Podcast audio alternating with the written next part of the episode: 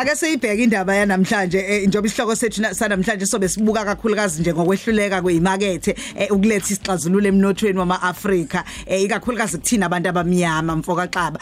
Nokuthi nje sibe futhi ke sibheka nanezinto nje eingadalwa mhlambe ukuthi ngempela ngempela ukuthi ke kube khona ngempela isixazululo esiyolethela thina njengabantu abansundu ukuhlonipheka phela phakathi kwezinye izizwe ikakhulukazi ke isizwe sala eNingizimu Afrika. Ezinye izinto lezi esithi ke ake siyibuke namhlanje eh, mfoka xaba siyazi ukuthi sithe uma sibheka sabona ukuthi hayibo u2019 ke kwaba naleya economic recovery plan eh, eyayenziwa u- u- u- uminister uTito Mboweni. Sesiyabona futhi manje hawunansi eh, enye eh, i- i- iplan futhi nayi recovery plan ezolekelela emveni kokuthi ke kube nalokhu kutapeka eh, isimo sokutapeka eh, emabhizinisini ahlukahlukene. Mhlawumbe lokho kusho ukuthini nje kithi? Mhlawumbe sengasiqale nathi si- sisho ukuthi sifisela isilo sethu sesinyanda ezulu. Lesisithanda kakhulu esisithanda noma sesikwela amakhosi ukuthi usuku oluhlelo kuzalwa em kulokho kubuzayo ke em Rosa mhlawumbe ngiqale lekuthenini eh ku sonke isikhathi uma kukhona isimo esibi noma sisibi kanjani njengalesi kade sidlula kusona sokudatshwa kwempahla nokushiswa kwezinto sibi impela kodwa sonke isikhathi fanele sibheke ukuthi kupho singakwakha kusuka khona.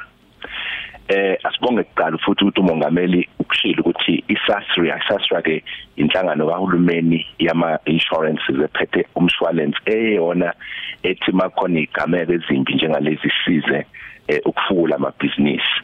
Nanokuthi ukushila ukuthi nala abakithi eh, abampishola kuhlanga ama-Afrika abakade bengenayo insurance bazokwazi ukuthi bathole ukusizakala ngoba isikhala esikhulu bekunesokuthi thina ke abaningi bethu abanayo insurance yokuthi eh bakhave amabhizinisi wabo ngesikhathi kukhona izimo zenhlekelele. Yeah yeah yeah kodwa manje ke lokho isihloko sikhuluma ngaso namhlanje sama market failures ukuhluleka kwemarket eh iningizimu Africa imnotho umnotho wayo ngokweyigaba ehlukahlukene akungatshazwa ukuthi eh ugogobelwe abathile umonopoliziwe ngamanye amazwi akulula ukungena kuwona.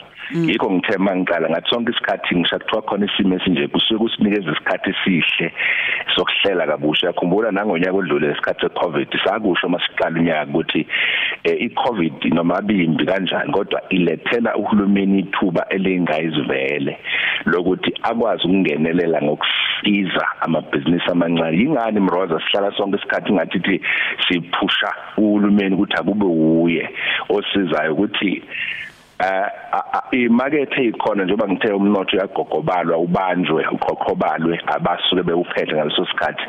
Eh akekho umuntu ozokusiza ngoba bayona iBE lena akekho umuntu ozokusiza sebenzise eh i- imigomo kahulumeni ukuthi avulele wena ukuthi uzoba uz- uzokhompyutha naye uzoqhatha uzo- uzoncintisana naye e- esinkweni sakhe. Eh yilokho ke mhlambe uma ngachaza nje kafushane masikhuluma ukuthi ama market failures lapho sisithi eh, u- imarket isuke ingakwazi ukuyilungisa yona ihlele ihlelele nabanye abantu ukuthi babe ingxenye yomnotho. Kunalokho abantu abakwazi ukwenza lokho lapho sisuke sibanikeza amandla ngevoti lethu. Okuhulumeni ukuthi sinika amandla nini ukuthi nisisize ngoba nisitakule nisiphakamise ngoba lokhu ukuthi uma kuthiwa umuntu omnyama kangene e- emnothweni ubeka uGoliath bese ubeka nje umfana omncane ona 5 years uthi lwanini nowabili akakwazi eh, umfana omncane ukushaya uGoliath kunalokho fafunda akhuliswe mhlawumbe anikezwe idebhisi azame phezulu bese yakwazi ulwa ne- nesiqhwaga lesugoliath so lesi simo ke mzurumroza sithi eh obekungenzeka njengamanje ngoba sibonile njengoba siqhubeka kwesikade sikhuluma ngeviki elidlule ukuthi eh ula ku recovery plan okhulumile ngayo kamnumzana uTitombo weni nokunye kade kushiwo umnumzana uZikalala lapha kwaZulu Natal ekhuluma ukuthi kumele kube khona iplan entsha siyokusiza eh akumele bakwethu kuhlale kuyiplan njalo kuphuma iplan ngene iplan leni iplan engasetshenziswanga ngokugcwele yakwazi ukusiza. Laba bantu ekufanele masizakale ukubavulela ukuthi babe ingxenye yokubamba umnotho ngendlela eyiyona. Eh okunye mhlawumbe ngiye ngenza isibonelo la Mroza ngathi uhle impela lokhu uhulumeni akwenzayo ukuthi anikeze abantu 350 ngoba siyazi ukuthi ikati leleziko kwabaningi. Kodwa uma ubuka umdlandlo uhulumeni akwenza ngawo lokhu njalo makhona izimo nje uyabona ukuthi kusho ukuthi imali yokuthi uhulumeni asiza amabhizinisi abantu abamnyama ikhona. Kodwa nje kumele ukuthi akabe naloko kuthiwa i-political will afune ukwenza lokhu ngenhloso yokuthi athathe le mali ngoba le mali yize izongena ezikhwameni yothenga lisinkwa nento encane iphele. Kodwa uma ungathatha le mali Mroza u350 rand eh onikezwa abantu abawu 6 million.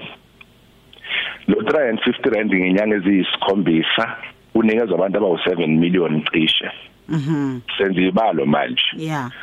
Kusho ukuthi u17.15 billion rand lowo ozonikezwa abantu ezinyangeni kuphela eziyisikhombisa futhi imali enkulu kabi leyo.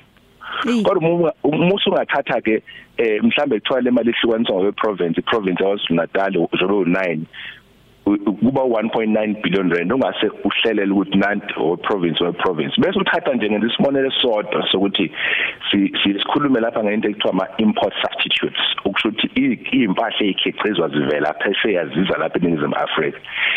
Kokuningi sesikudla sigqoka sikwenza la eNingizimu Afrika okungaphezulu ka 50% shuthi eshumini okungaphezulu kokuhlanu sesithola sikuthatha ngaphesheya. Kwenza yenze kokuqala nxa enyanga nezimbili ezidlule lapho sibe khona nomkhiqizo omningi onyuke ngo 1.7% osuka la eNingizimu Afrika. Kuyinto enhleke leyo.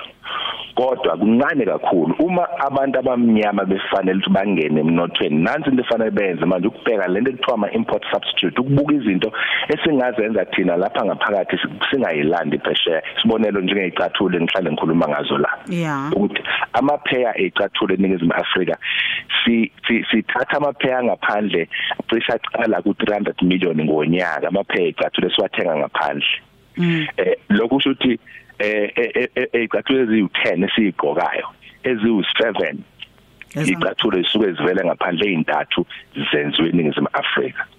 Ungacabanga ukuthi begathatha nje 100 million kulo 1.9 billion osuhlukaniswe ngeprovince ngeprovince kwakhiwe nje icathulo ungakabheki ezinye zezimboni ezikhona ngokwama districts ngoba nakhona kunama plans amaningi kodwa walandelwa inkinga esinayo eningizimu Afrika leyo mroze ngisho ukuthi kusona sonke isimo esidlula kusona njengamanje. Uma besingashintsha nje ukucabanga kancane futhi sisebenzise leli thuba ukuthi kuvuleka ama wholesaler ethu kuze nalabo abantu bazobaleka ngoba abakwazi ukuhlala endaweni ezingekho kahle. Kube ama wholesaler ethu esizakhela wona nama retail shop esizakhela wona. Yebo kungabe kusaphinda lokho ngoba kubi siyakukhuza kodwa kube ukuthi sisebenza imbobo yenaliti manje ungena sizakhele owethu umnotho njengabantu abampishwa leningizimu Afrika.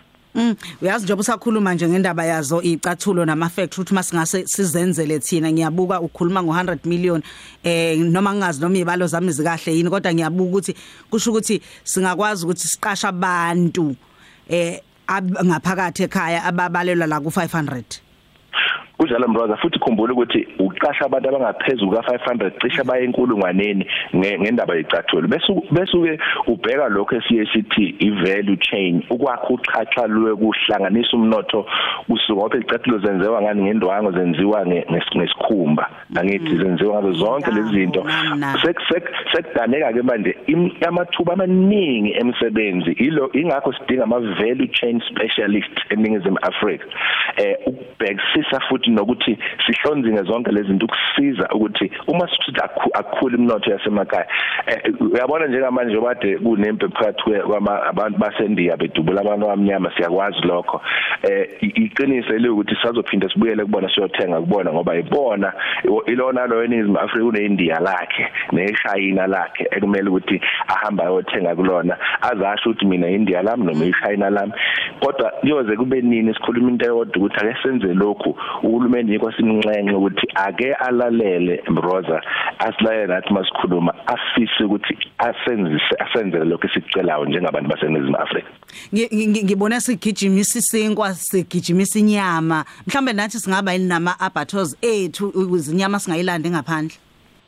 Eh iSouth Africa ingxenye yeBRICS ike yasayinda isivumelano nezo laseChina ukuthi izohambisa 20000 tons ngonyaka kuze kube manje ngakutshela ukuthi inyama enye ke kwenzeka ihambi ihanjiswe ayihanjiswa abantu abamnyama ihanjiswa nje kuphela belungu kuyibona abanama abattoirs kusasayina lesi sivumelwano ngesikhathi umongameli uZuma esewumongameli walelizwe. Kuneyingqinamba ezinye ikhona ekufanele zikhululwe ama bottlenecks fanele ikhulule lapho kusiza ukuthi sikwazi nathi ukukhiqiza inyama esizoyisa khona phesheya ngoba amathuba amakhulu kakhulu uma nje sizothola abantu abazokholelwa kithi eh bazi ukuthi nathi sinakho ukwazi ukucabanga ukuthi sifise sikwenza lezi zinto zenzeke futhi mrosa Siyabonga kakhulu ngokuthi nje uthi kusikhanyisela amandla omnotho. Mhlawumbe ke eh, abafisa ke ulwazi bangenza kanjani nokulandelela nje mhlawumbe la enikwazi ukuqeqesha khona abantu? Iamandla omnotho.co.za eh siyaqala ke njengoba umongameli simemezile sikavula vula kancane i-trading ngezimbuzi ngoAugust. So imemezela sifake futhi na ku-page lethu. Bese kuba ke ngalomgcibelo mroza siyacela abantu ukuthi masiba ngumema beze kwi-virtual meeting lapho sobe sikhuluma khona kwi-Zoom talk nazo zonke izinto ezihambisana noku nokuphatha komnotho nanokuza nezixazululo kakhulu ngoba akumele kungathithi siyakhomba siyakhononda nje sifuna izixazululo ukhozi FM website bawethola podcast yethu ne Facebook page yethu amandla omnotho